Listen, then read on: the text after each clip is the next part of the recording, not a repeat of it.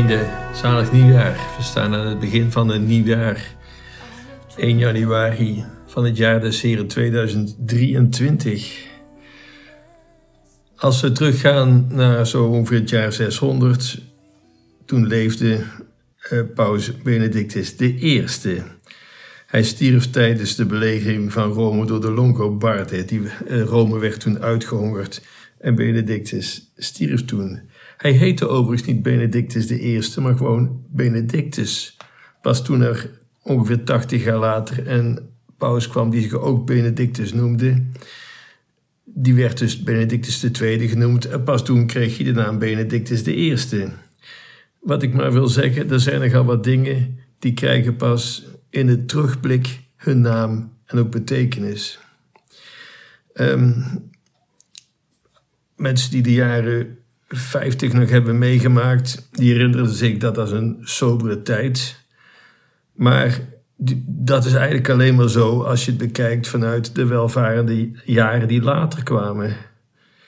Toen de jaren 50 verstreken, ervoeren de mensen hun tijd in het licht van de oorlog die eraan vooraf was gegaan. En ze beleefden vooral vooruitgang. Een terugblik wil het leven nog alles vertekenen. Als je een opa vraagt hoe het vroeger was met de tv. We hadden alleen maar een zwart-wit tv, zal hij dan zeggen aan zijn kleinkind of achterkleinkind. Maar dat was niet zo. Ze hadden gewoon tv. Zwart-wit tv werd pas zwart-wit tv toen de kleuren-tv zijn intrede had gedaan. Vroeger was primitiever dan nu, maar dat is achteraf gezien. En misschien was het ook wel gelukkiger, althans in de herinnering, want ja, een afgezaagd cliché zegt vroeger was alles beter. Beste mensen, er ligt een jaar achter ons, 2022. Hoe hebben we dat ervaren? Ik, hoef je niet te wijzen naar, naar de grote gebeurtenissen, want die krijgen we in alle jaarlijstjes en overzichten te, te zien. Um, hoe hebt u het ervaren? Hebt u genoten? Hebt u geleden? Het was uh, recessie, er is veel geld verloren gegaan. Er is onzekerheid. Veel mensen zijn van een stuk pensioen beroofd. Um, baan kwijtgeraakt, ziek geworden. En toch op zichzelf heeft dat niks met ons geluk te maken. Ook in een crisis kan er hard gelachen worden ook in dagen van rouw bij een uitvaart. Daar kan bij de koffietafel, die kan buitengewoon aangenaam zijn en uiteindelijk goede herinneringen opleveren hoe tragisch het overlijden van de desbetreffende familie dit ook was. Wat ons overkomt, sterven, geboren worden, goede tijden, slechte tijden, ups en downs, um, grote vriendenkring of een heel klein kringetje, dat heeft op zich allemaal niks met geluk te maken. Het zijn niet de omstandigheden, maar het is de toestand van onze ziel die uitmaakt hoe we ons voelen. Als je met 1 euro niet gelukkig kunt zijn, dan zul je dat ook niet met een miljoen keer 1 euro. En als je met 1 euro blij bent, dan zul je dat met een megabedrag ook zijn. Als je vandaag niet geniet van je gezin, dan zul je dat morgen ook niet doen. Voorspoed, succes, dat is één ding. Maar genieten, geluk, dat is een ander ding. Ja, geluk. We wensen elkaar veel geluk. We wensen elkaar voorspoed. Elke keer aan het begin van het nieuwe jaar. We hebben allerlei voornemens en die moeten ook daartoe leiden. En toch geluk, wat is dat? Ja, niet meer, meer, meer. Meer van hetzelfde of telkens maar iets nieuws. Nee, die Bijbelse wijsheid, ik, ik herhaal het nog maar een keer, die zit hem heel ergens anders. Zoek niet het geluk voor jezelf. Je zoekt je ongeluk, je zult het niet bereiken. Wat dan wel? Draag bij aan het geluk van anderen. Dat doet anderen goed en zo, zo alleen bekruipt het levensgeluk je eigen leven. Kijk naar de grote heilige. Kijk naar de mensen die tevreden zijn. Die hebben vaak een taak op zich genomen voor een ander. En dat doet die ander goed en dat doet hen goed. En kijk eens die nogal chagrijnig door het leven kunnen gaan. Het zijn soms de grootverdieners, de bekende, de, de beroemde. En het lijkt ze niet mee te zitten. Hoewel qua financiën, qua noem allemaal maar op, meer kun je niet hebben. En toch, er ontbreekt van alles kennelijk. Kijk hoe hun privéleven vaak een puinhoop is. Niet met iedereen gelukkig, hè? maar ik wil maar zeggen, daar zit het geluk niet in. Wie een prachtig voorbeeld is, is natuurlijk Maria, moeder Maria. Het is ook op 1 januari dat in het teken staat van moeder Maria. Het is haar hoogfeest. En daarmee staat het hele jaar in het teken van Maria. Zo wijden we het nieuwe jaar des Heren 2023 toe aan Maria. Maria, de moeder van Jezus, de moeder Gods. Het is vooral ook de moedertitel die centraal staat.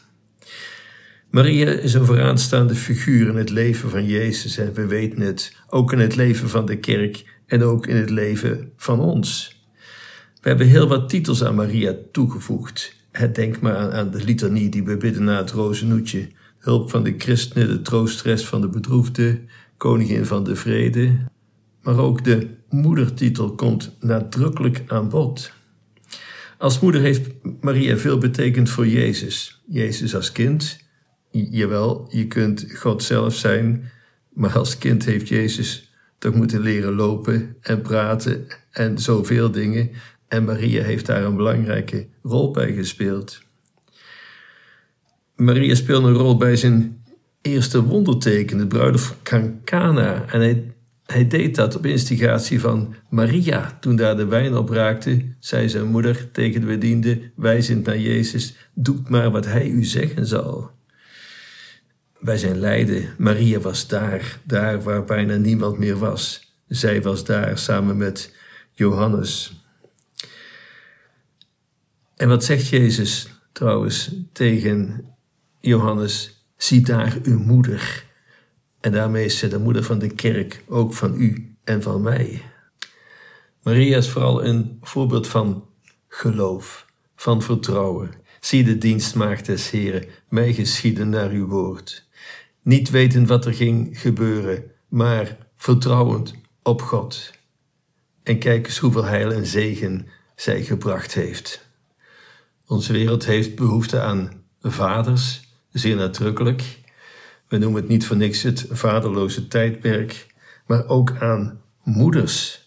En die mogen een voorbeeld nemen aan moeder Maria. Die stelde zich niet voorop, in tegendeel. Ze stelde niet haar eigen belang voorop, maar dat van haar gezin. Toen Jezus verloren was gelopen, hij was twaalf jaar, ze waren hem kwijt, kon je merken dat Maria ook een echte moeder was. Hij kind, waarom heb je ons dit aangedaan? En ze leerde haar zoon gehoorzaamheid, iets wat van zo'n grote waarde was in zijn verdere leven. U wil geschieden. En Jezus heeft het waargemaakt, mede dankzij zijn moeder Maria en Sint Jozef. De wereld heeft meer dan ooit behoefte aan moeders die er gewoon zijn voor hun gezin. U, kent uiteraard het verhaal van de verloren zoon. En Augustine vroeg zichzelf af waarom er in het hele verhaal geen moeder voorkwam. En zijn uiteindelijke antwoord was dit: Als er een moeder was geweest, was er geen verloren zoon geweest.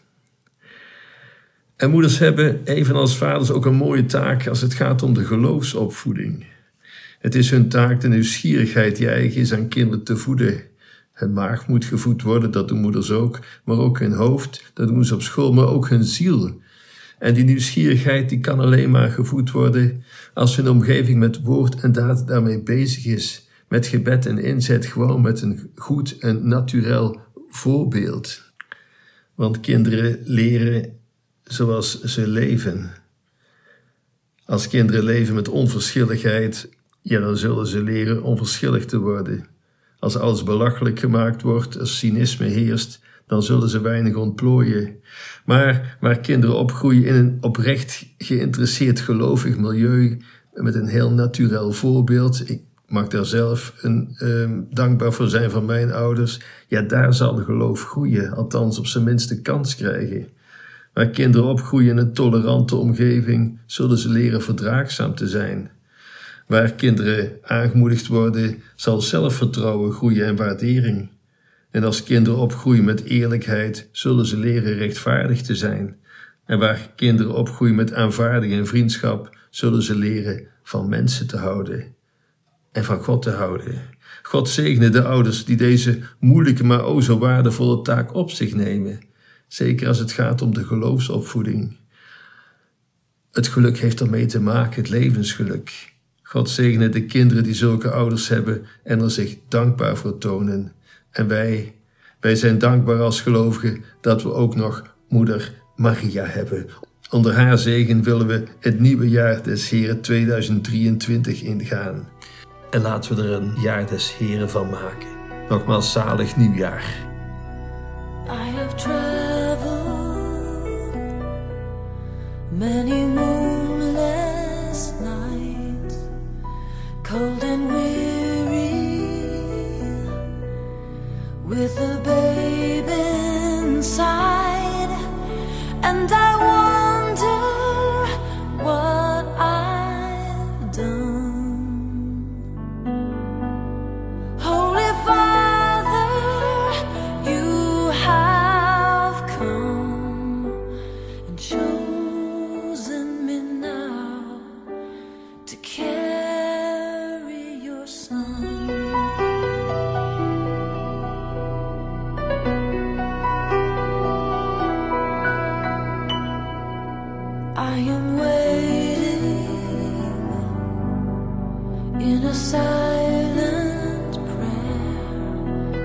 I am frightened